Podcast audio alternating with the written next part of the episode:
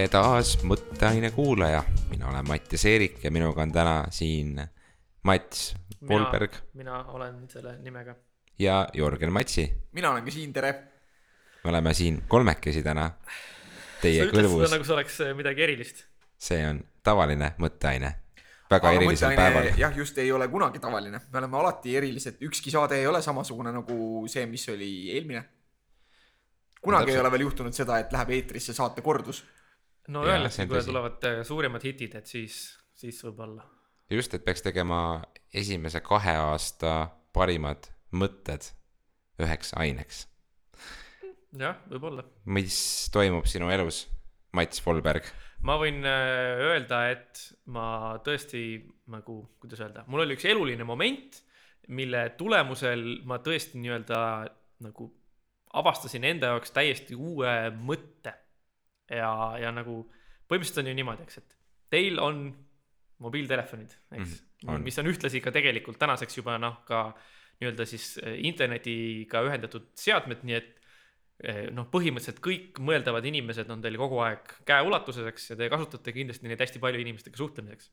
et nagu mu esimene küsimus on, et kas te mäletate elu enne seda aega kui inimesed ei olnud kõik nii kergesti pidevalt kogu aeg kättesaadavad.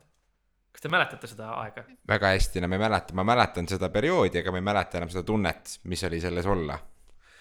mina arvan, et ma mäletan, et äh, ikkagi minu noh, esimene nutitelefon jääb äh, selgelt äh, ülikooli aega aga ütleme, mobiiltelefoni oli ikkagi ka ikka see, et kui sul oli mobiiltelefon ja kõikidel näiteks su pereliikmetel või sõpradel oli mobiiltelefonid, siis alati, alati oli see, et sa saad, saad helistada, saad suhelda, et põhimõtteliselt oli ikkagi nagu see kättesaadavus jah, ja noh, see nii-öelda ka esimene mobiiltelefon ja see tavaline asi, see tuli kuskil keskkoolis, et ma ikkagi mäletan enda põhikooli ka, ma arvan, üsna hästi. et ma mäletan seda, kuidas, kui siis, kui lõppes mootorratturihiirte järjekordne episood, siis ma võtsin lauatelefoni ja helistasin oma sõbrale, valisin tema numbri, mis mul oli peas. küsisid ta käest, et mis sa tänasest saatest osast arvasid? just, täpselt, ja siis me arutasime seda. okei okei no sa oled natukene vanem ka. me tegime, sa... me tegime nüüd seitse vaprat saade oli et äh, kelle poolt sina täna hääletasid või mingi selline. seal oli ju telefonihääletus, lauatelefoni numbrid olid seal all ja siis sai punkte panna et.... aga nagu, nagu see, kuhu ma selle mõttega jõuda tahtsin, oli nagu see, eks, et, et ajal, mil ei olnud mobiiltelefone niimoodi ja ei olnud võimalik kõikide inimestega alati kogu aeg nagu suhelda, on ju. et siis noh, pidi leiduma momente, kus noh, nagu me tänases maailmas võtaks ühendust, me koordineeriks, me küsiks noh, ongi see, et sa pead langetama mingeid otsuseid, aga osad sinu otsused mõjutavad teisi inimesi. ja siis sul on see, et aa, huvitav, et noh, mis kell tema tuleb või mida tema sellest arvab või noh, mida ma teen, on ju. aga see ei olnud võimalik, on ju, see isegi ei olnud võimalik.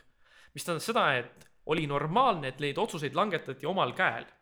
mis tähendab, et teisest küljest oli ka normaalne, et sa olid sunnitud leppima nende valikutega, mida keegi teine oli langetanud ja sa ei saanud talle ette heita, miks sa minuga ei koordineerinud, miks sa seda minuga läbi ei rääkinud, sest et noh, seda võimalust ei olnud isegi olemas mis omakorda tundub mulle, et oli aeg, millal inimesed olid võib-olla leplikumad või vastuvõtlikumad teiste inimeste otsustele.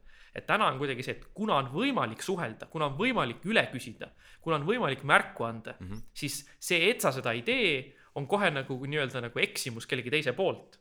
aga noh, nagu ongi see, et kui, kui me elaksime maailmas, kus ei ole neid mobiiltelefone, siis on nagu see, et no aga miks sa ei öelnud, et sa jääd pool tundi hiljaks, on ju mina esitaks siit või võta, võtan siit nagu hoopis selle teise poole, et võib-olla ka sellel ajal olid inimesed julgemad võtmaks vastu isikliku vastutusega otsuseid.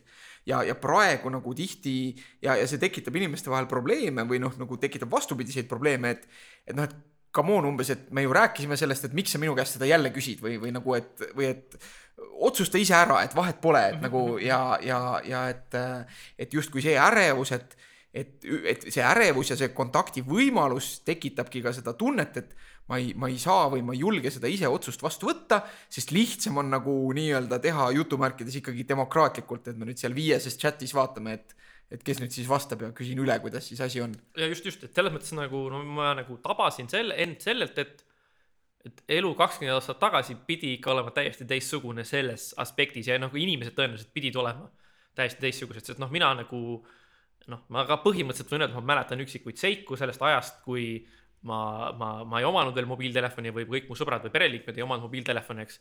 aga noh, nagu niisugust igapäevaelu, mida tähendas elada, et seda ma, ma ei mäleta lihtsalt. aga see võib-olla oli palju stressivabam selles mõttes, et sul ei olnud äh, pidevalt midagi, mis sinu enda nagu mõttekäiku või tegevust segaks, näiteks ütleme, et erinevad teavitused, kes like ib mingisuguseid postitusi, kes jagab midagi, mingid emailid ja sõnumid. ja siis on see moment, et okei okay,, et ma alustan enda päeva, ma söön võileiba ja ma vaatan telekat näiteks hommikul köögilaua taga ja siis ma mõtlen, et mis ma täna teen. Et praegu selle asemel ma saadan kohe umbes mingi Tarmole sõnumi, et, et kas me õhtul kinno lähme. Aga tollel hetkel ma mõtlesin, et ahhaa, ma peaks kunagi Tarmo kuidagi kätte saama, et uh, huvitav, mis kellaaeg oleks sobilik. Umbes talle, ma ei tea, ukse taha koputama minna või no, selles... lauatelefonile helistama, et, et selles mõttes see, et, et sa said palju kuidagi rahulikumalt võib-olla planeerida ja, ja ise mõelda läbi, et mis sina teha tahad, enne kui sa kooskõlastad selle kellegi teisega. ka samas mõttes jällegi, et, et sa oled natukene võib-olla iseseisvam ja, ja mitte niivõrd ähm, noh, et sa võtad mingid valikud juba vastu ja ütleme, et kui Tarmole siis ei sobi kinno minna, siis sa ikkagi juba tegelikult nagu teed midagi selle ajaga, et sul ei ole seda momenti, et ahah, ma siis põrgatan mingi kolme teise inimesega edasi seda kinoideed, et nagu, et jah, läks lappama natukene see mõte. ma arvan jah, et see, sul on õigus selles suhtes, Mattias, et, et see ühiskondlike protsesside muutumise kiirus on ikkagi oluliselt muutunud. et, et nagu selles, just nagu meie igapäevaelu nagu omavahelise suhtluse nagu praktilise poole pealt on kindlasti nagu praegune hetk võrreldes äh, kahekümne aasta tagusega on palju erinevam või noh, see ongi mõnes mõttes noh, väga suuresti kvalitatiivselt erinevam, kui see siis on nagu nii-öelda kahekümne aasta taguse hetk võrreldes neljakümne aasta tagusega. jah, ma olen nõus. aga noh, see oli niisugune lühike, niisugune nii-öelda ahaa-moment, mis, mis minul oli, ma ei tea, kuidas, kuidas teil oli nädalas Äh, uut põnevat avastust enda kohta või maailma kohta? minu lühike ahaa-moment äh, oli see, et ma avastasin, et äh, tundub, et teedeehitustehnoloogia on kuidagimoodi läinud paremaks. Või, või vähemalt see asjade korraldus, ma saan siin rääkida ainult Tartu linna eest, sest see on see, mida ma olen kogenud, aga et kui varem oli, noh, auto on mul juba äh, peaaegu äh, no mitte päris kümme aastat, aga, aga isiklikku autot oman ikka peaaegu kümme aastat ja, ja alati oli nagu see tunne oli sihuke, et kui linnas oli mingis kohas teeremont, siis oli see, et oh, et noh, et see on nagu nüüd mingi paariks nädalaks kinni pandud siit ja nüüd nagu, aga praegu ma näen seda, et Tartus on nagu mitmes kohas sellised äh, just nagu noh, sellist väiksemat remonti vajavad teelõigud, kus on mingid rööpad sisse sõidetud või suured augud.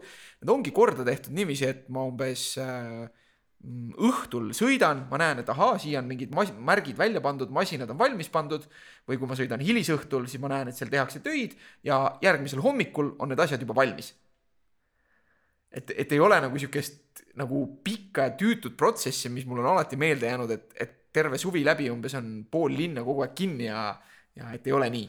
nii et siis või mingis mõttes jällegi, eks, et nagu kui kui, igas muus mõttes kogu see ühiskonna areng läheb kiiremaks, et siis ka nüüd siin teedeparanduse juures, et nii-öelda teed, tööde, teetööde kvaliteedi kiirus kuidagi kasvab. et mul puudub igasugune nagu sisuline sissevaade sellesse, kuidas käib tee-ehitus. noh, ma midagi näen, et see protsess ka, et see, kuidas nagu mingi jupp teed lihtsalt nagu lõigatakse välja ja siis sinna pannaksegi see tükk asemele, samas kui varem oli seal mingi sihuke kas, kas pidi rohkem korraga üles võtma või vastupidi, lihtsalt mingid siuksed õnnetud nagu nii-öelda tee käsitöölised toppisid seal neid auke täis ja siis tampisid ja mis ilmselgelt oli nagu palju ebaefektiivsem ja vähem kvaliteetsem, et, et nüüd on nagu see kõik käib kuidagi kiiremini ja paremini.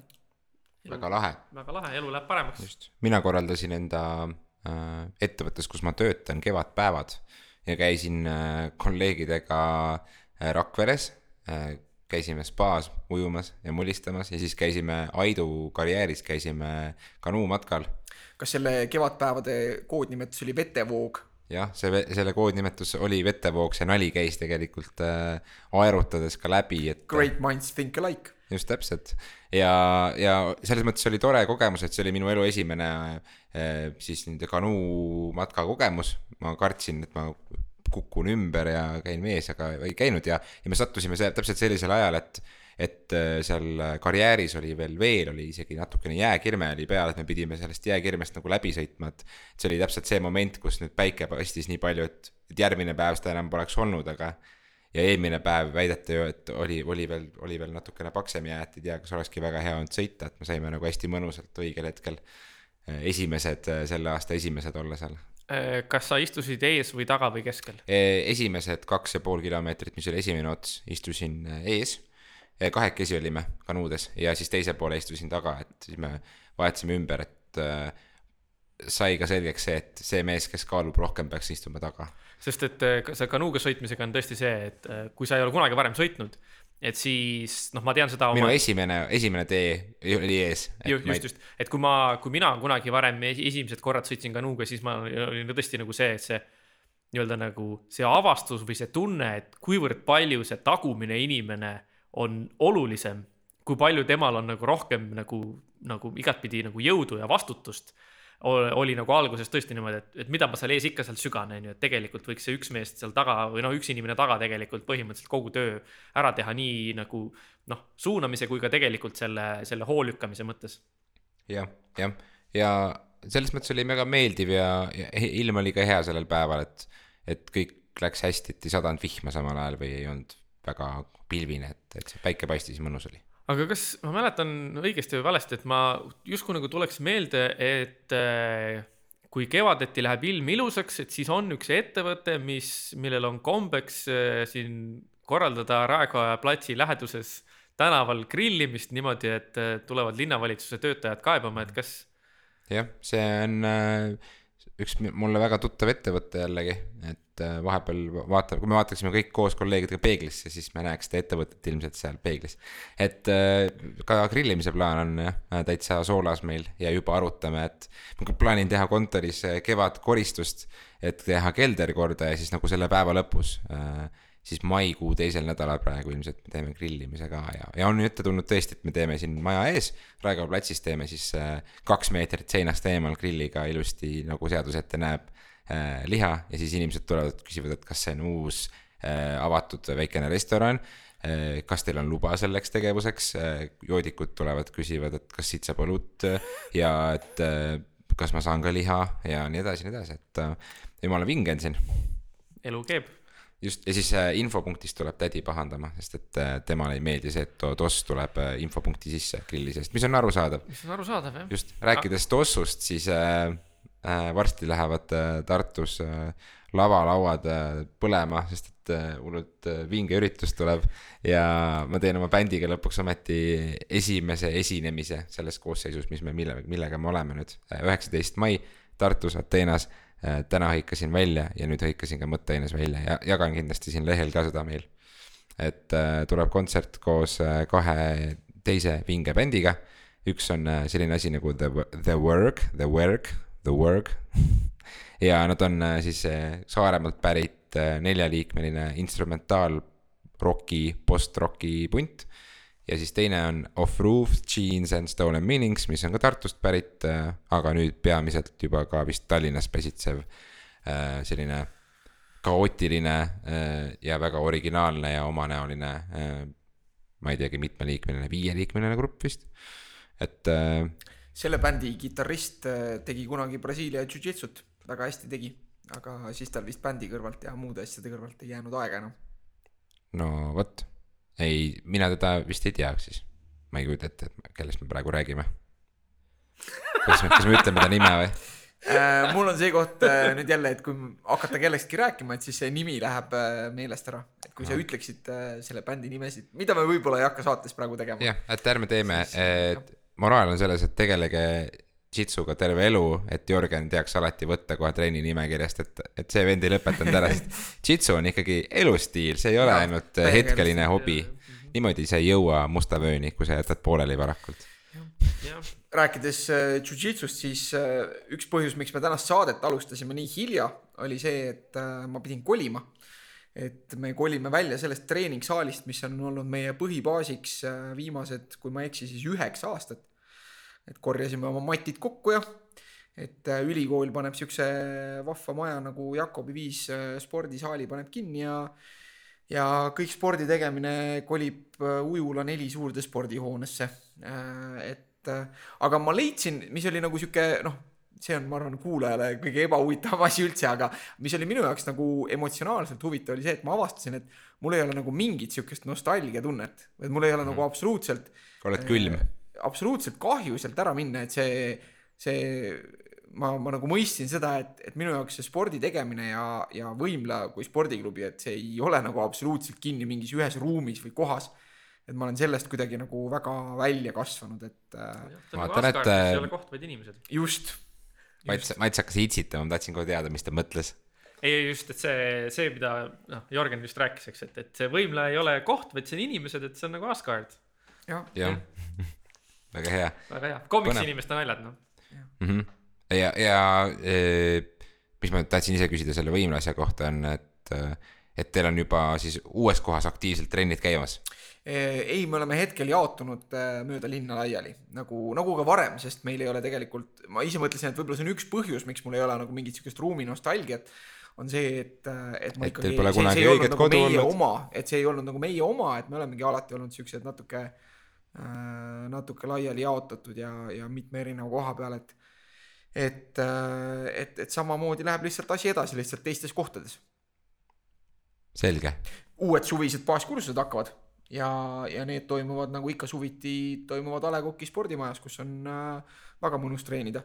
et äh, suvine ilm tuleb niikuinii jälle kehva, nii et äh, tulge parem äh, et, et ei pea mõtlema, et, et peab ainult õuesporti tegema ja küll selle baaskursuse kõrvalt, mille trennid on kaks korda nädalas, et kui keegi tahab võitlusspordiga alustada, siis äh, terve suvi läbi investeerida kaks õhtut nädalas äh, lahedasse trenni hea seltskonnaga, ma arvan, et see on väga hea mõte. just, ja kusjuures äh, A Le Coq'i spordihoone on ka see hoone, kus äh, härra Jörgen Matsi käib ilmselt jala, sest et äh, maja on sealsamas kõrval ja tal on hästi mugav sinna trenni minna. piisavalt lähedal jah.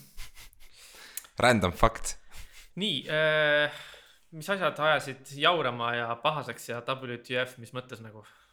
ma viskaks siia enne WTF-i ühe nagu siukse viiteavastuse ka, et ma teemal pikalt ei peatu, aga äh, MIT ehk äh, Massachusettsi, Mass, Mass, Mass, Mass, ühesõnaga selle Mass, Mass osariigi äh, tehnoloogia instituut, mis on väga respekteeritud ülikool maailmas äh,. Nemad siis enda nagu äh, ühesõnaga andsid välja artikli sellest, et mis võib juhtuda Bitcoiniga, mida mul oli väga huvitav lugeda ja nad lihtsalt kirjutasid seal siis erinevaid stsenaariumeid sellest, et miks nende arvates nagu Bitcoin kui tehnoloogia ei ole jätkusuutlik ja, ja siis, et mis võib nagu juhtuda, et mis on nagu need stsenaariumid, et äh, mis nagu Bitcoinile kriipsu võiks peale tõmmata nii negatiivsel kui positiivsel moel. Et äh, saan rohkem teada sellest äh, valdkonnast, mulle väga meeldis see ütlus, et Bitcoin on everything you don't understand about computers combined with everything you don't understand about finance. see kõlab kuidagi täpselt nii, nagu see minu jaoks ongi vist. jah, jah, ja minu jaoks ka ja seetõttu mulle meeldibki sellest vahel lugeda. vot, aga siis äh, WTF, Mats Äh, Õnneks, õnneks, õnneks olen viimasel ajal niisugustest suurematest asjadest pääsenud. Et pärast seda ühte motika kihutajat ei ole nagu miskit olnud. muidugi nüüd järjest ilm mis, läheb. mis, mis tõstis sinu nokka sel nädalal? jah, jah, et, et ei olnud ühtegi siukest äh, mainimisväärt sündmust. et ei olnud midagi, mis oleks ajanud pöörded ülesse. ei ei olnud,, kas miski sinu kummi vilistas see nädal? ei, ei, ei, ei, ei, aga teie, aga teie. Mul oli positiivne avastus, ma sain teada, et Madagaskaril elavad värvilised oravad. ma panen lingi piltidega saatemärkmetesse, et äh, see noh, see oli nagu sihuke, see, see ei ole kuidagi negatiivne, et see on nagu vahva asi ja, ja noh, ma võin siin on kohe tore. testida teie live reaktsiooni sellele. et noh, see on, näe Mats, see on päris loom. no aga okei okay,, no ta on okei okay,, ta on kirjum kui, kui tavaline harilik orav, keda on näha Eestitis jah, selles Et- mõttes tõesti. et need pildid näevad välja nagu nad oleks Photoshop itud, aga nad jah ei ole, no okei okay,, ma olen nõus et, et sihuke pisike nagu kulmukergitus selle peale ei ajanud pöördeid üles, aga niisama armas, värvilised oravad. kuigi oravad minu meelest, vaata orav on selline loom, kes on alati selline stereotüüpselt nagu sihuke nunnu ja et oo, et oravad ja hästi vahvad. olete te mõnda oravat nagu lähemalt vaadanud kunagi? ja mul on üks orav äh, isegi roninud mööda püksisäärt ülesse, sest et ma jätsin mulje, et mu peos on toitu, äkki ta otsis pähkleid? mida ta mida ta võiks. Inglise keeles. mida ta võiks, mida ta võiks saada, aga ma tegelikult petsin teda ja siis ta, siis ta hüppas minema sealt, sest et äh,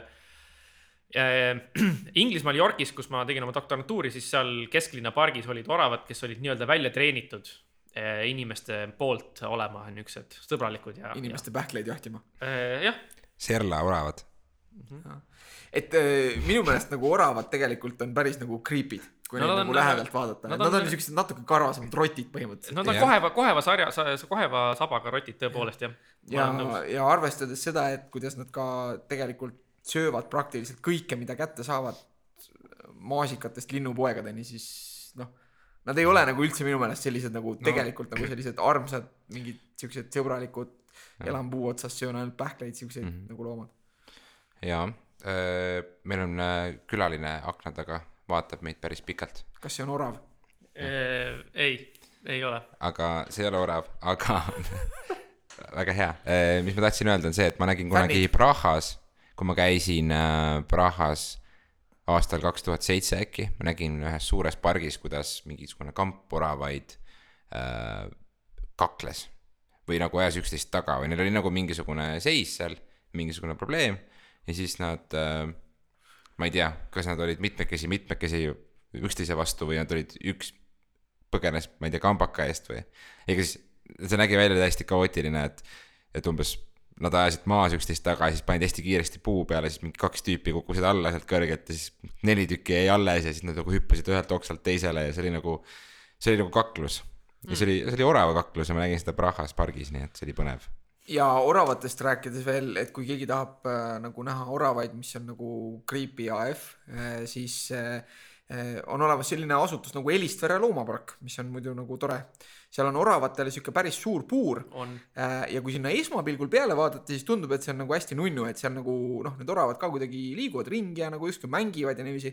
aga kui sinna jääda natukene pikemaks või minna nagu mõnda, mõneks ajaks ära ja siis tulla tagasi, siis äh, sa paned tähele tegelikult seda, et äh, väga paljud nendest oravatest teevad nagu mingit äh, lii-, noh, liikumismustrit, noh, või liigutus on jah nagu liiga vähe selle kohta öeldud, mida võib nimetada nagu stereotüüpseks liikumiseks, millega mm. loomad tegelikult väljendavad stressi stiilis, et noh, et, et sa esmapilgul vaatad, et oi kui vahva, vaata, et see orav nagu jookseb siin ühest nurgast teise ja ronib nagu mööda puud kaks meetrit üles ja siis või noh, nagu meetri üles ja siis uuesti alla tagasi ja sa lähed edasi, tundub nagu hästi armas või sihuke.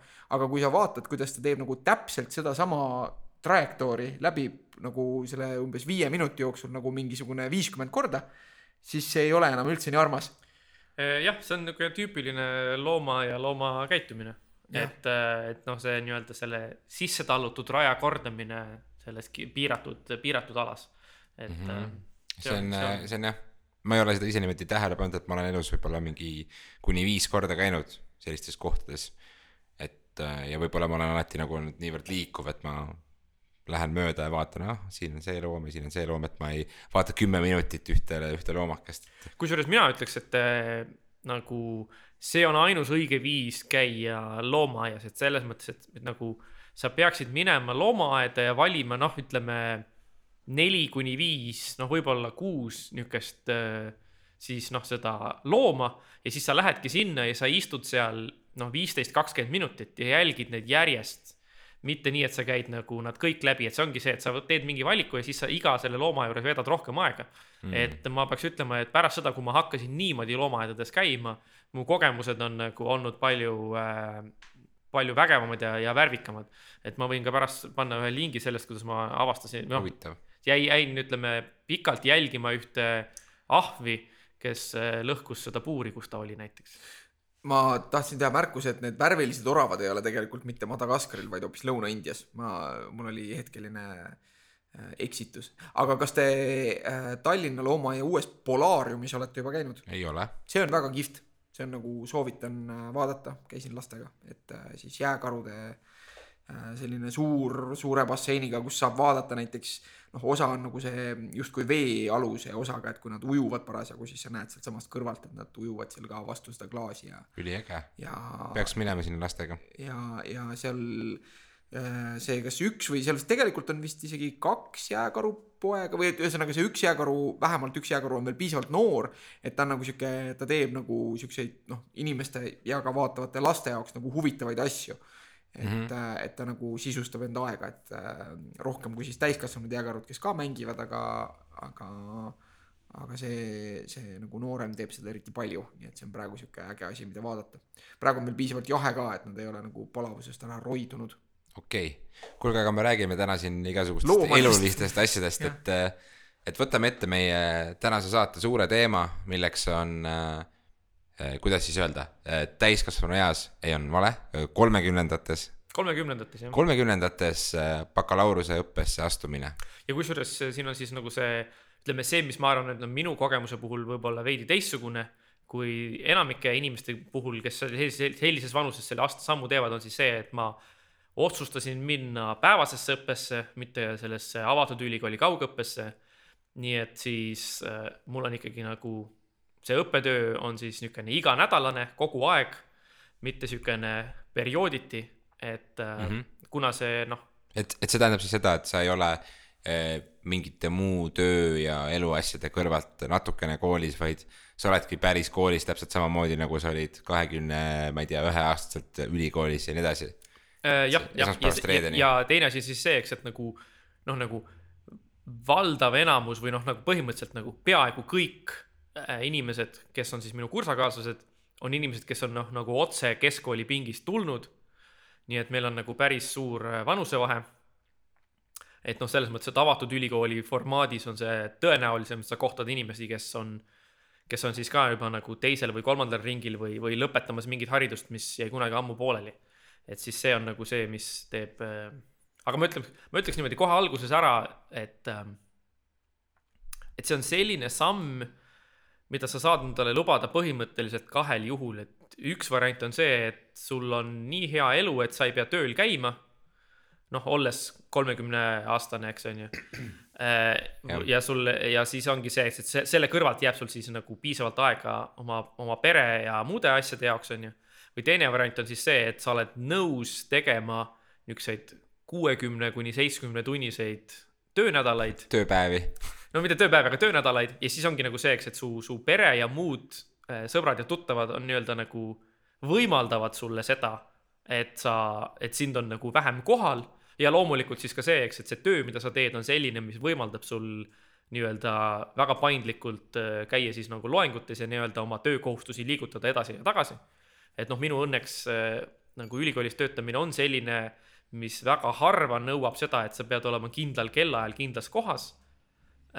Ja kuna minu abikaasa on ka ise väga nii-öelda ettevõtlik ja ambitsioonikas ja võimekas inimene, siis ta nagu, tema ka teeb pikki tööpäevi ja on palju noh, nii-öelda igasugustes näiteks lähetus, lähetustes ja asjades, et siis on nagu see, et mina teen ka nüüd pikki tööpäevi, ei ole nagu seni veel meie nii-öelda äh, pereelule halvasti mõjunud, sest noh, ei ole nii, et keegi nagu tunneks minust nii-öelda nagu selles mõttes, et miks, miks sa kodus miks sa kodus oled, miks sa kodus ei ole nagu momenti. no Et see see, see, sinu, sinu puhul on siis tegu sellise hea elulise ka näitega, et äh, kus kaks inimest, kes äh, elavad koos, neil on ühine, olete nii-öelda ühine perekond. samas olete ka ühiselt sama hõivatud juhtumisi õppe, õppetöö ja õppimisega. jah, seda küll jah, et ähm, et tihtipeale paljudel puhkudel on ju see, et, et inimesed ikkagi kolmekümnendates on juba mingisuguse töökoha endale välja töötanud ja on lapsed ja siis on äh, noh, et on palju erinevaid asju, et siis on see aja jaotamine ka kahe inimese vahel tunduvalt võib-olla lihtsalt keerulisem või, või, või lihtsalt natukene vähem võimalusi on siis äh, niimoodi ühiselt ära olla kodust. et Jah, keegi peab jah, alati olema ja, seda küll jah, tappima. just. aga no ma ei tea, nagu üks asi, mis, mis on nagu see nii-öelda see, see küsimus või teema, millega ma pidin tihti tegelema, kui ma siis algselt äh, üks umbes enam-vähem noh, niisugune aasta tagasi hakkasin inimestele rääkima, et see on miski, mida ma plaanin teha ja ma astun neid samme ja nii edasi. et siis oli see miks küsimus alati kerkis tihti nagu ülesse ja, ja noh, nagu mul oli nagu mitu erinevat vastust sellele, aga noh, üks vastus on nagu see, et ma olen nagu kuidas on see, et ma olen nii nohik inimene, et, et kui kui sa tuppa astud, siis läheb nerd alert läheb käima ja siis vilkurid hakkavad ei, tööle ei, mitte seda, vaid et kui, kui teistel inimestel on äh, keskea kriis, et siis nad ostavad autosid, et siis kui mul on keskea kriis, et siis ma lähen uuesti ülikooli nagu. et, et noh, nagu see on niisugune üks põhjus, miks, miks sul on keskekriis, sa kirjutad uurimusi ja siis mul on vaja kõik asjad välja kirjutada enda seest. et noh, see on niisugune nagu huumoriga võiks öelda sedasi, eks, et aga, aga teine asi on seal lihtsalt on see, et mis ma nagu noh, mis mind nagu mingis mõttes motiveeris seda tegema, et, et seal on nagu väga noh, totaalne, see on väga suur niisugune käputäis, käputäis asi, et üks asi on siis see, eks, et et minu igapäevategevus on siis seotud filosoofiaga, täpsemalt poliitikafilosoofiaga ja selle kõrval on nagu see, eks, et õigusteadus on nagu väga lähedane valdkond. et, et võiks isegi mingis mõttes öelda, eks, et, et äh, õigusteadus on mingis mõttes nagu nii-öelda nagu rakenduslik variant või rakenduslik poliitikafilosoof, et kui poliitikafilosoof mõtleb sellele niisuguses mingisuguses abstraktses mõttes, et, et mis, millised oleks head ja õiglased seadused, et siis õigusteadlane on see, kes juba nagu konkreetselt nende seadustega nagu tegeleb et mul on nii-öelda niisugune nagu, mul on olnud huvi selle vastu tulenevalt sellest ähm,. mul on olnud nii-öelda nagu huvi nii-öelda oma filosoofilisi teadmisi laiendada selle arvelt, et ma nagu õpiksin teisi valdkondi. mm. -hmm. Mul on sulle selline küsimus, et ja. kui mina pärast gümnaasiumit äh, vaatasin ülikooli poole, siis tundsin natukene sellist survet, et minu vanemad ootavad minult seda, et ma astun ülikooli. ühiskond ootab seda minult, et ma astun ülikooli. ma ise natukene nagu olin segaduses, et mida ma täpsemalt tahaksin õppida, mis ma tahan elus teha, ma ei teadnud sellel hetkel veel ja siis ma ma läksin, proovisin psühholoogiasse sisse saada ja ma ei saanud sealt äh, proovieksamitelt läbi. ja siis ma võtsin sealt, mis mul oli veel valikus põnevad ained. Ja siis mulle jäi ette teoloogia, asi, millele ma kunagi tegelikult ei olnud väga mõelnud, aga kuna selle aine sisu on ajalugu, kirjandus, keeled, kultuur, siis see on väga selline laias pildis selline minu jaoks huvipakkuv, et mõtlesin, et noh, et las ma siis äh, õpin seda asja ja, ja kasvan inimesena selle käigus ja siis võib-olla, kui ma olen need õpingud ära lõpetanud ühel hetkel, siis on mul ka haridus käes, aga samas ma võib-olla tean inimesena, mida ma siis tahaksin, mida ma, mida muud ma tahaksin teha, eks ole. et kuidas, et, mitte nüüd küsida seda, et, et kas sina teadsid, mida sa tahtsid pärast gümnaasiumit teha, mulle tundub, et sa teadsid, aga et kui sa nüüd äh, kolmekümnendates nagu läksid õppima, on ju, siis ilmselgelt sa siis seda momenti juba ootasid pikemalt, et sa saaksid seda tegema minna. vastupidiselt gümnaasiumi lõpuni, kus sa võib-olla olid natukene ka rohkem nii-öelda nagu hüppelaua peal, et okei okay,, et nüüd ma lähen ja nüüd minu, minu üliõpilaskogemus algab siit, eks ole. no selles mõttes, et on nagu ma võin öelda niimoodi, eks, et, et kuna mul selle, selle valdkonna vastu nagu niisugune teatav huvi oli juba varem, et siis ma ka nagu äh, olen võtnud varem nagu nii-öelda vaba ja valikainetena olen võtnud mõned õigusained. Ja selles mõttes, et noh, nii-öelda ma nagu proovisin, mis, mis tunne seda natuke oleks õppida. Ja ma selles mõttes ma nagu teadsin, et, et noh, nagu ma, ma tegelen selle filosoofia karjääriga, ma tegelen sellega, et ma lähen selles ikkagi nagu noh, edasi ma, ma pühendun sellele, aga ma nagu selles mõttes hoidsin kogu aeg seda mõtet, et nagu kui peaks juhtuma, et mul hakkab hästi igav või kui peaks juhtuma, et noh, on mingisugune nii-öelda kriitiline moment elus ja on vaja teha karjääripööre või et kui on mingi moment, et on nagu ütleme, tekib aega ja võimekust võtta mingeid liha, lisakohustusi, et siis see on miski, mida ma võiksin alati nagu eh, teha, eks. ja, ja juhtumisi lihtsalt oligi nii, eks, et, et, et sai, möödus piisav arv aastaid sellest, kui ma oma baka lõpetasin, et ma saaksin minna uuesti tasuta õppima. Ja siis ma ütlesin, et noh, aga vaatame siis, mis, mis nagu välja tuleb, et selles mõttes nii-öelda see eh, jah, ma nagu seda, seda võimalikku mõtet minna õigust õppima olin nagu mõnevõrra nagu kauem endas hoidnud kui siis, kui ma otsustasin filosoofiat õppima minna. aga noh, selles mõttes, et ähm, nojah, tähendab jah mm, -hmm. sellega on nii. oota, aga kas sa siis äh, sinna astusid sisse nende samade lõpueksami tulemuste põhjal, mis sa mingisugune, ma ei tea, kaksteist aastat tagasi tegid? Eh, jah, et see, see kusjuures oli hästi huvitav, oli, oli selles mõttes oli niisugune juhtum, eks, et et mina lõpetasin gümnaasiumi siis, kui gümnaasiumi lõputunnistus ei läinud veel auto-, automaatselt sinna elektroonilisse SAIS-i süsteemi. mis tähendas, et nagu kui ma omal ajal astusin ülikooli, siis ma pidin minema füüsiliselt paberitega kohale, eks. nii. ja aga selleks ajaks näiteks, kui ma lõpetasin baka, siis oli juba nagu see, et kõik nagu lõpetamise tulemused läksid automaatselt kuskile sinna süsteemi sisse, nii et alati edaspidiseks oli sul kõik need nagu tulemused kohe olemas ja sa kõike said elektrooniliselt teha. ja kui ma nüüd siis noh, eelmine eh, suvi astusin ülikooli sisse, siis seal oli niisugune koht, kus ma pidin nagu valima, et millise hariduse alusel ma kandideerin ja kuna minu gümnaasiumiharidus ei olnud seal nii-öelda ametlikult sees ja ma oleks pidanud minema paberitega kuskil jändama, siis see tundus keeruline ja siis ma, seal oli põhimõtteliselt võimalik valida, et nagu kandideeri oma bakahariduse alusel. ja siis ma mõtlesin, et vaatame, mis juhtub, kui ma sellele nupule vajutan. Mhm. ja kuna, ja kuna süsteem oli sedasi, eks, et ta ei kontrollinud mitte seda, et sul peab olema tingimata gümnaasiumiharidus, vaid süsteem kontrollis, et sul on vähemalt gümnaasiumiharidus. ja süsteem järeldas, et kui sul on baka, siis järelikult sul on vähemalt gümnaasium. nii et selles mõttes ma nagu astusin sisse, mitte kasutades oma gümnaasiumi lõputunnistust, vaid kasutades oma baka lõputunnistust, aga riigieksami tulemusi.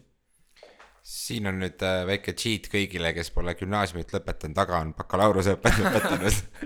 et teine- äh, kuidas saada ja teine cheat on siis see, eks, et äh, ma omal ajal tegin matemaatikaeksami, mis, mida tänapäeval nimetatakse siis selleks nii-öelda laiaks matemaatikaeksamiks vist või mm. ühesõnaga selle nii-öelda raskema, mis tähendas seda, et ma sain oma punktidele kaheksateist punkti juurde, mis nagu automaatselt kohe tõstis minu nii-öelda selle keskmise skoori noh, nagu oluliselt kõrgemaks, kui see muidu oleks olnud nii et selles mõttes jälle, et nagu siin on niisugune, et kui sa oled vana aja inimene, et siis elu miks, enne on miks lihtsam. õigusteadusesse sisse astudes läheb matemaatikaeksami tulemust vaja? Eh, sellepärast, et äh, matemaatika eeldatavasti õpetab sind mõtlema süsteemselt.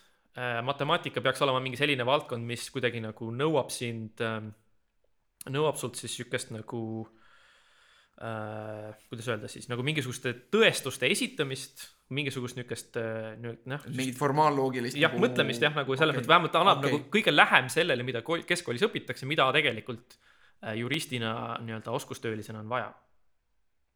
Pole selle peale kunagi varem niimoodi mõelnud. ei ole jah, aga kõlab väga loogiliselt, kui Mats seda nii ilusti selgitab. ma mäletan, minu nagu kokkupuude õigusteadusega on äh, suhteliselt väga pinnapealne, et äh, psühholoogiaõpingute ajal oli nagu kihvt asi Psühholoogia Instituudis oli see, et üldiselt õppejõud nagu tahtsid ka kokku hoida aega ja teha nagu asju optimaalselt.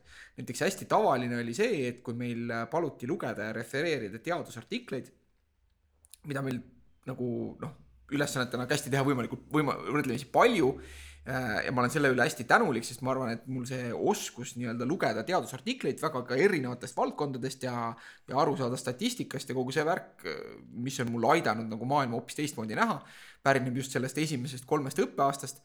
et hästi tavaline oli see, et anti näiteks kahekümne leheküljeline artikkel refereerida või, või mingi, sa said valida mingi portsu artiklite seast ja oli nagu nõue, et sa pead tegema referaadi, aga see ei tohi olla pikem kui poolteist lehekülge et olid nagu maksimumpiirid, vahel pikem kui kolm lehekülge ei tohtinud olla, vahel kui poolteist, noh nagu alla pooleteistkümne eriti ei olnud. ja siis äh, oli aine nimega õiguspsühholoogia, kus äh, esimene, mis oli vaba aine äh, või noh, et meil ei olnud nagu kohustuslik seda võtta mingil moel tundus huvitav ja see õppejõud oli siis nagu õigusteaduskonnast ja kui ta esimeses loengus alustas sellega, et teate, et loengu käigus te peate kirjutama kaks viieteist leheküljelist referaati, siis mina ja paljud teised võtsime ennast sealt loengust maha. ega sa ei mäleta, mis selle õppejõu nimi oli? ei mäleta. aa, okei okay.. sest et äh, minul just nimelt oli siis esimesel semestril niisugune aine, mis oli siis psühholoogia õigusteadlastele, mida andis äh, Talis Bachmann. Ja siis seal oli just siis nagu, mul oli niisugune huvitav ko- kogemus, et me pidime kirjutama samuti referaadi, mis siis ka see ülempiir ja, ja alampiir olid nagu paika pandud. ja siis oli olukord, kus oli see, et sa võisid nagu ette, vabalt valida, ühesõnaga, et oli ette antud üks niisugune nimekiri, võib-olla seal oli mingi sada erinevat artiklit ja sa ise pidid ühe nendest valima ja sellest kirjutama referaadi ja siis ma nagu teema järgi võtsin ühe artikli, mis tuli välja, et see oli nagu, see oli, see oli kaks lehekülge pikk teadusartikkel. ja siis ma kirjutasin sellest referaadi, mis oli kaks lehekülge pikk. Ja mul oli sihuke tunne, et ma tahaks kirjutada referaadi, mis on nagu eh, noh, nagu veel, veel pikem.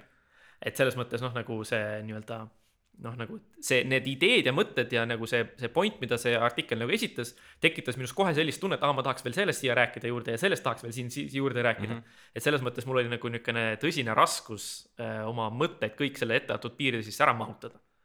et äh, ja see on, ütleme, ma võiks öelda, et see on ka niisugune nagu läbiv kogemus, mis mul on olnud, et ähm, ma saan täiesti vabalt, noh, ongi see, et kuna ma ise olen ju samal ajal filosoofias õppejõud, siis ma saan väga hästi aru sellest, kuidas ähm,, kui sul on suured kursused, siis sa pead nõudma inimestelt lühikesi töid, sest muidu keegi ei jõua neid läbi lugeda mm. -hmm. ja teiseks, nagu ma, nagu Jörgen ennist ütles, eks, et see oskus või võime võtta miski, mis on pikk ja põhjalik ja siis nagu tõeliselt tegelikult leida sealt see iva ja teha see lühikeseks, on ju. või siis ka nagu omaenda mõtete puhul, et mul on mingisugune keeruline ja pikk mõttekäik, aga esitada seda tõesti niimoodi, noh, nagu tänapäeval on see, need lifti kolmekümne sekundi pitch'id, on ju, et siis noh, nagu ma saan aru, et see on vajalik oskus, aga noh, mul on kogu aeg sihuke tunne, et kui ma kirjutaksin nii lühikesi töid, nagu need nõuded mul nõuavad, siis jääb töö nagu pealiskaudseks, et ma tahaks nagu veel põhjalikumalt, veel detailsemalt, veel täpsemalt. et noh, nagu, et selles mõttes mul on niisugune pidev nagu probleem, et ma pean nagu ennast hoidma vaos.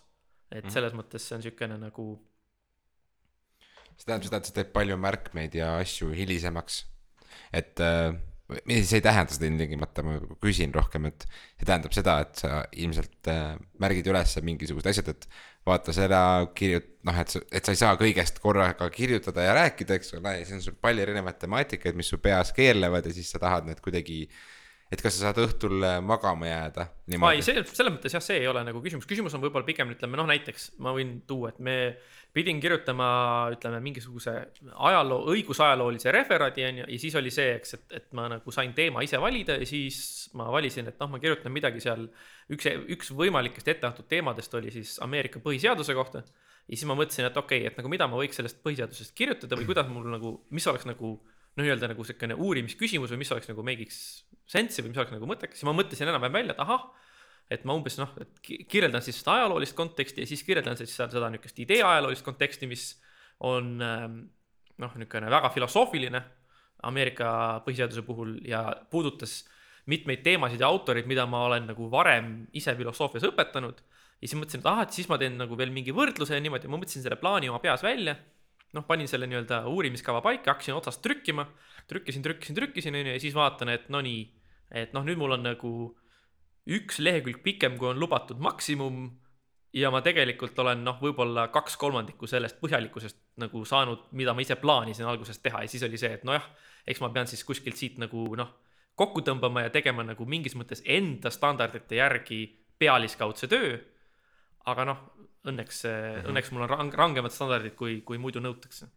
aga mind huvitab hoopis see, et, et kuidas nagu see sihuke mm, nagu õppetööst väljaspoole või ütleme siis mitte ainult õppetööst väljaspoole, vaid, vaid siis nagu sellest nii-öelda klassiruumist väljaspoole jääv tudengielu on, et milline on su suhtlus näiteks nende just keskkooli lõpetanud teiste noortega, te peate ka mingeid grupitöid tegema asju, sest ma mäletan seda, et, et samamoodi kui mina olin bakalaureusel, siis minu kursusel oli äh, ka üks äh, härrasmees, kes oli ka meist kõigist umbes äh, noh, kümme aastat vanem.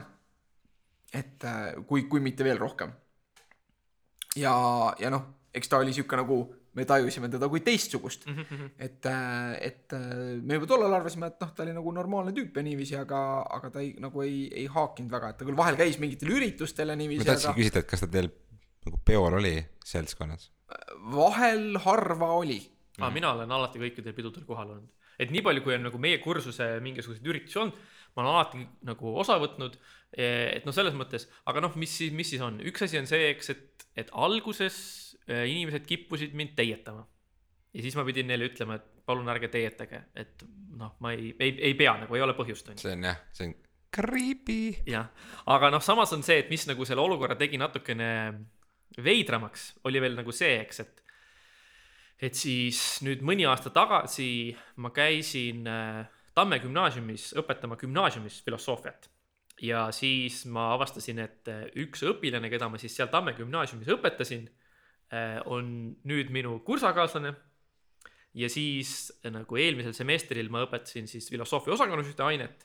Ja siis seal oli ka niimoodi, et, et üks minu kursade õigusteadusest oli siis seal aines minu õpilane. et selles mõttes natuke nagu need suhted on nagu niisugused noh, veidrad või nii, aga aga tegelikult nad ei tundu ve- veidrad, et see on nagu selles mõttes niisugune avatud äh, mänguväli, kus kõik on mõnes mõttes võrdsed. jah, selles mõttes tõesti, et näiteks kui ma mõtlen tagasi nagu sellele, eks, et, et kui mina ise käisin bakas, et siis noh, ütleme see õppejõud, kes oli minu bakajuhendaja ja kes oli see, see inimene, kellega noh, kelle aineid ma hästi palju võtsin ja kellega ma palju aega koos veetsin. Et siis tema nagu ütles ka, eks, et nagu mingis mõttes, et, et ähm, et noh, nagu et ülikoolis me oleme kõik täiskasvanud inimesed ja see, et kas keegi on kellestki kümme või viisteist aastat vanem, ei tohiks nagu tegelikult olla üldsegi määrav, et kui siin on nüüd see üks aine, no ütleme filosoofias võib-olla seda rohkem, eks, et nagu siin, et siin on see üks, üks ütleme raamat, mida me oleme kõik lugenud ja me tulime kokku, et seda raamatut nagu arutada. et ei peaks nagu olema kuidagi mingisugust niisugust tunnet, et keegi on kellestki nagu mingisuguses mõttes, seisab mingis mõttes kõrgemal või nii. et ähm, aga noh, ma olen nagu püüdnud öö, olla nendega niimoodi siukene solidaarne. solidaarne ja siukene nagu sõbralik ja noh, nagu selles mõttes, et ma ei ole püüdnud sellest teha kuidagi nagu niukest teemat, et ma kuidagi ajan nina püsti või nii ja ja no mis puudutab grupitöid, siis on nagu see, eks, et äh, ma tahaks loota, et need inimesed, kellega ma olen grupitöid koos teinud, on nii-öelda nagu võitnud sellest, et äh, ma olen noh, pigem kogenum kui keskmine bakatudeng, mistõttu nagu ütleme noh, mõned, mõned meie, ütleme, tegevustest võib-olla on läinud selle võrra nagu lihtsamalt. nojah, ma arvan, et see annab hästi suure, et sul on ikkagi nagu see akadeemilise äh, mingisuguse kasvõi otsimise kogemus ja, Jah, ja, ja, ja või vormistamise, töö, tööde vormistamine ja nii see, edasi, see nagu teeb asjad hästi palju lihtsamaks.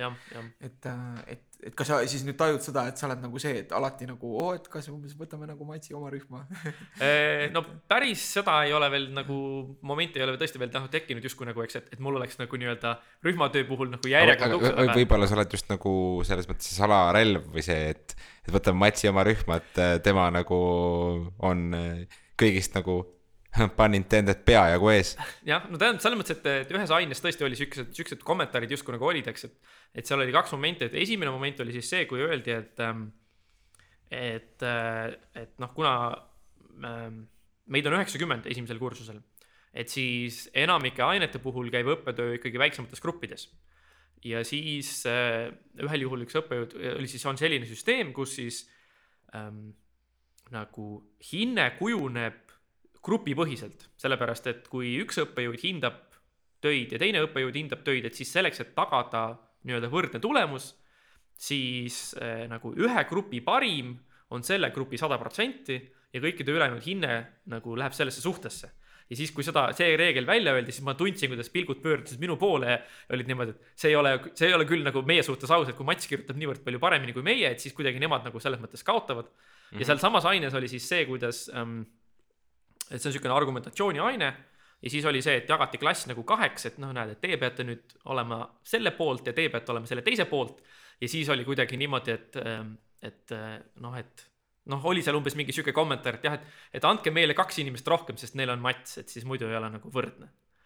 aga noh, vaata, see oli niisugune ka pigem niisugune huumoriga, et selles mõttes ähm, noh mm, -hmm. nagu tore mul. äh, üks sõber korraldas ühel noh, lihtsalt oma peol korraldas viktoriini ja seal ühe teise sõbraga oli niiviisi, et tema jäi ka nagu selleks, kes oli ühes võistkonnas rohkem ja siis, kui ka protesteeriti, aga siis nagu oli see, et ei, et see on handicap, et teil nagu see tüüp ka on et No, no,, et jah. rääkides, et see võib töötada nagu mõlemat pidi ja mm, -hmm. ja ühesõnaga saan aru, et seda ei ole juhtunud, et sa saad teada, et, et on toimunud lahedad peod ilma nii, et sind oleks kutsutud, Äh, ma ei ole teada saanud, et selles mõttes, et vabalt võib olla, et noh, tõenäoliselt ongi saatke sõnumid anonüümselt äh, mottaine.gmail.com.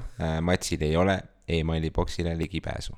jah, tähendab, mis ma võiks öelda, mis puudutab nii-öelda nagu äh, noh, ühesõnaga, et noh, sellest ajast sa, sellest ajast, kui mina olin viimane kord Eestis tudeng, on nagu päris palju aega mööda läinud ja mis on nagu minu jaoks oli alguses natukene üllatav, oli lihtsalt see, et kuivõrd ähm,, kuivõrd olulist rolli mängib Facebook ja Messenger äh, tudengite tänapäeva elus nii-öelda nagu omavahelise info vahetamisega ja ka siis mingis mõttes siukse koostöö äh, nii-öelda no ühesõnaga, et siis info vahetamine omavahel, aga ka siis info vahetamine aastate vahel ja ütleme noh, nagu vanemad kursuse inimestelt äh, ütleme mingisuguste abimaterjalide või mingisuguse lisateabe ja ütleme, et noh, kellelgi on mingi, mingisuguse koduse tööga mingi küsimus või probleem, et ta saab kohe pöörduda nagu kogu kollektiivi poole et ja kuidas võib-olla noh, mingi nagu operatiivne infovahetus, et see oli minu jaoks nagu alguses natukene üllatav, aga mingis mõttes ma arvan, et see on nagu ka väga hea.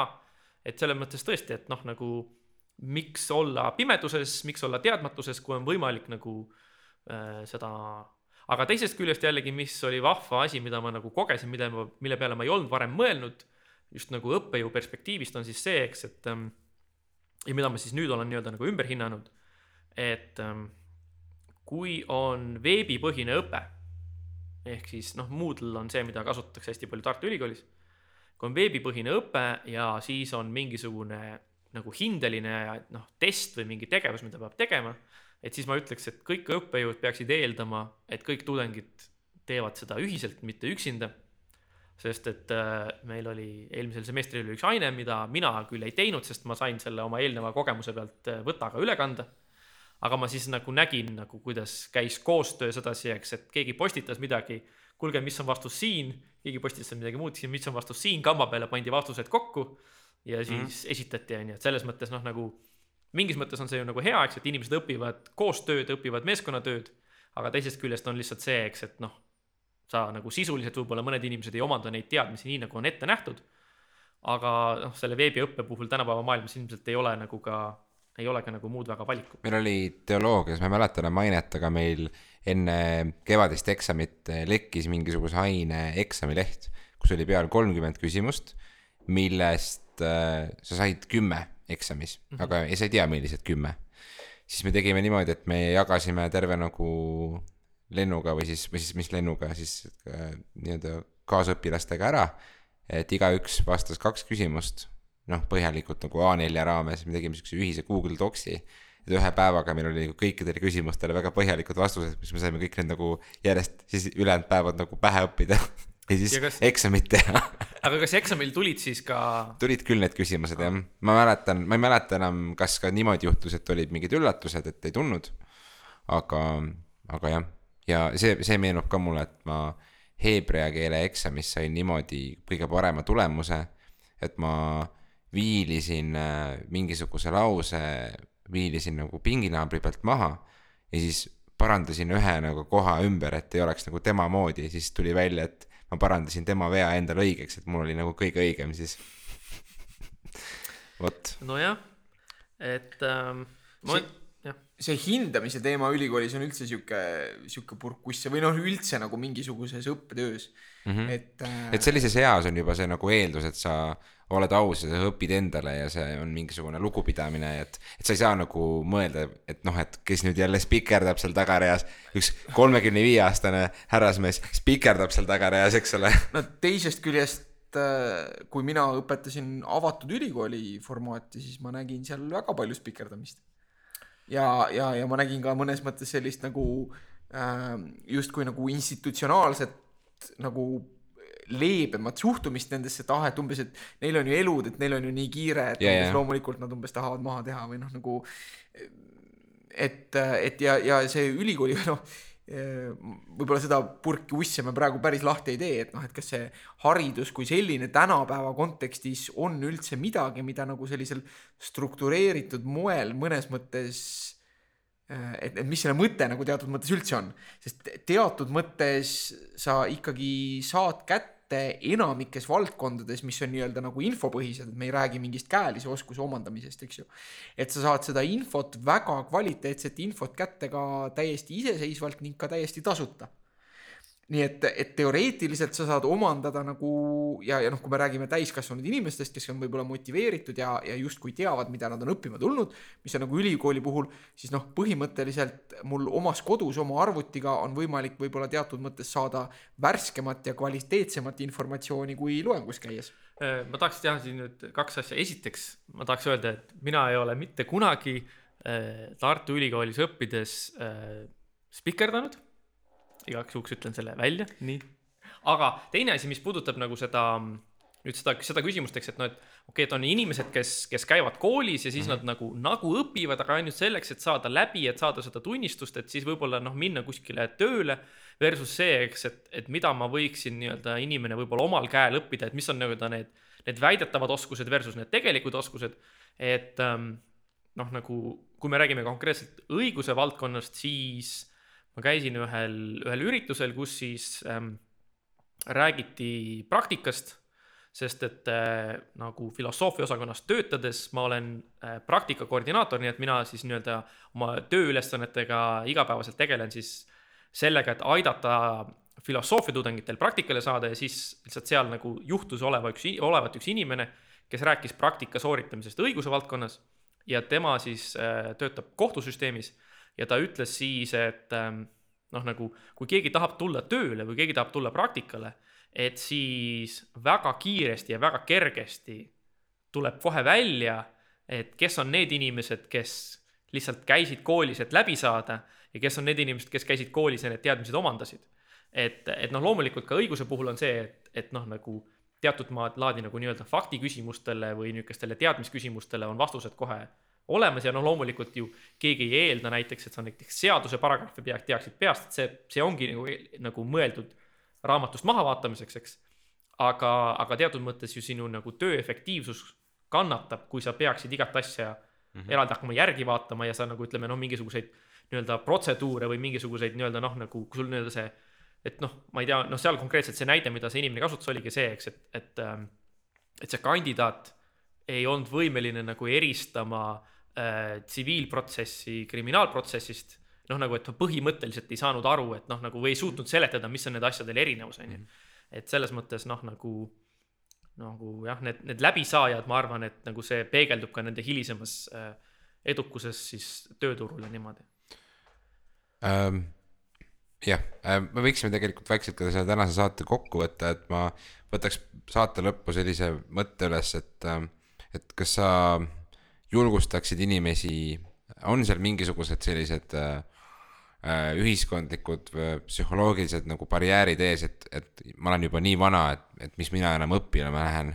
või et minu aeg on nüüd möödas, eks ole, et vahet ei ole, me ei räägi kolmekümnendatest, me räägime kasvõi neljakümnendatest, et, et, et kas seal on noh, et, et mis on need julgustussõnad siis inimestele, kes nagu tegelikult mõtlevad, et nad tahaksid õppida, neil on need põhimõtteliselt võimalused olemas.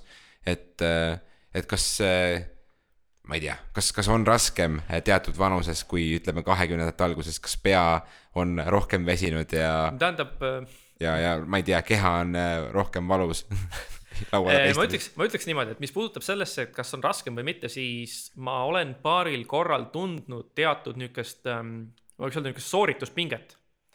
ja see, see väljendub siis umbes nagu sellises mõttekäigus, eks, et ma tean, et siis, kui ma käisin ise bakas või, ja, ja hiljem siis magistris noh, ma olin nagu ütleks nagu võrreldes oma siis kaastudengitega, ma olin nagu keskmisest pigem parem tudeng ja ma olin keskmisest pigem edukam.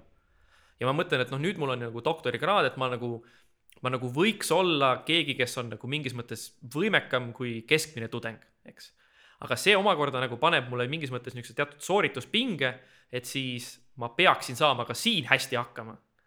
ja siis ma olen kuidagi niisugune nagu väga raske on nagu balansseerida seda, et ühelt poolest mul on nagu see, et kui palju ma oleksin võimeline ära tegema võib-olla selle põhjal, mida ma olen varem õppinud või varem tean või varem oskan. ja kui palju ma võiksin selle võrra võib-olla nagu lõdvemini teha, aga samas on nagu see, eks, et, et nagu ma nagu tunnen, et ma peaksin saavutama mingisuguseid häid nagu või nagu teatud tasemega tulemusi. ja see nagu eeldaks jällegi, et ma peaks nagu tegema hästi ja siis mul on kuidagi niisugune natukene niisugune see, aga see on nagu miski asi, mille ma võib-olla olen iseendale juurde mõelnud. aga noh, mis puudutab nagu noh, seda õppimist üldiselt, siis on nagu see, eks, et, et ju see, ma arvan, et see on väga hea viis hoida ennast nii-öelda värskena, selles mõttes, eks, et noh, nagu see on niisugune nagu selge väljakutse iseendale ja oma nii-öelda ka oma intellektuaalsele võimekusele. et äh, esiteks, teiseks on siis nagu see, eks, et, et tänapäeva nii-öelda tööturg on niikuinii selline, kus peaks eeldama, et sa vahetad või sa oled sunnitud või sa pead vahetama mingi aja tagant oma seda valdkonda. nii et nii-öelda nagu uue oskuste pagasi või uue kogemuse või isegi uue mingisuguse võrgustiku loomine. tundub, et see on isegi nagu vajalik või eeldatakse seda. ja et need on nagu niisugused asjad, mis ma ütleksin, kindlasti nagu räägivad selle poolt, kui, kui vähegi on nii-öelda nagu ütleme, muu elu võimaldab seda, seda, seda valikut langetada. ja nii et jah, selles mõttes, et mina, mina siiamaani küll nagu ei, ei tunne, et midagi, et see oli nagu noh, ma ei tea, halb valik. mina tuletaks lõpetuseks meelde, et tegelikult räägitakse ju enamike kohta meist seda, et äh, Elu väga võimalik, et, et, et kahekümne või neljakümne aasta pärast on meie praegused oskused lihtsalt aegunud. ja kui sa ei laienda oma ampluaad või ei õpi juurde, siis sa noh, aegud ja,. jah, jah. jah, et äh, kõik äh, meie siin täna ja, ja ma ütleks, et inimesed minu ümber, minu elus tõestavad seda mõtet, et kunagi tegelikult ei ole ka selles mõttes liiga hilja alustada uute asjadega ja, ja muuta oma harjumusi ja õppida midagi uut, vahetada töökohta, vahetada eluala võib-olla. et mingist hetkest see läheb natuke ekstreemseks, oleneb ju tingimustest ja elu, eluolust ka, aga, aga aga ma tahaks siin, siin, siinkohal ära markida, et, et mul ei ole praegu mingisugust niisugust kindlat plaani, et ma tahaks nüüd lõpetada filosoof olemise ja, ja mm -hmm. kindla peale hakata juristiks. et, äh, et noh, sind pigem huvitab see, et sul on need kaks maailma ja kuidas sa neid saad kombineerida pluss on siis nagu tõesti see, et mingis mõttes niisugune nagu, eks, et mulle meeldib ülikoolis käia, see on nagu mingis mõttes nagu natuke nagu hobi. pluss on ka tegelikult see, eks, et, et on nagu väga, minu jaoks on ma ei taha päris maailmaga tegeleda. ja thanks Eesti maksumaksjad, et te maksate kinni matši hobi. jah, just, aga no ma olen valinud endale hea hobi, eks. aga teine asi on siin ka muidugi see, eks, et, et see on nagu parem kui vangis istumine et see mm, või on? äh, näha nii-öelda seda, mida, mida tähendab olla tudeng. Et selles mõttes, et ma arvan, et nagu nüüd, kui ma ise olen õppejõud äh, olnud juba mõned aastad, siis on nagu hea näha nagu nii-öelda natukene seda, et näiteks kuidas teistes osakondades õpetatakse ja mis nagu tunne on olla tudeng, et selles mõttes ma arvan, et nagu on mitmed niisugused asjad, mida ma noh, ütleme, kas võtan üle või ma nagu muudan omaenda õpetamise juures. et selles mõttes see on niisugune ka nagu noh, ma ei tea, natuke teleseriaal on see Undercover Boss, et noh, see ei ole päris seesama, aga noh, natuke nagu, natukene seda ka jah. Ja üks hea võimalus äh, õppida mingeid väikseid uusi teadmisi või lihtsalt kuulata seda, kuidas teised inimesed arutlevad ja seega läbi osmoosi õppida, on kuulata taskuhäälinguid. nii et ära stagneeru, kuula mõtteainet. just, just. head soovitused Nukid. selleks nädalaks. nukid, nukid. kõmm. nädal.